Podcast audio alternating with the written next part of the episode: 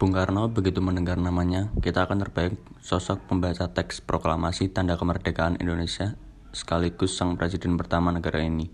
Sosok yang karismatik disegani oleh kepala negara lain dan orasinya mampu membuat seluruh lapisan masyarakat menghentikan semua aktivitasnya saat Soekarno berdiri di atas podium tanpa teks pidato apa pun. Namun sayang, sang proklamator harus wafat dalam keadaan yang sangat naas jika dibandingkan dengan kapasitasnya sebagai mantan orang nomor satu di Indonesia ini. Beliau wafat dalam keadaan terkucilkan dan menjadi tahanan rumah sang penguasa saat itu Soeharto dengan Orde Baru.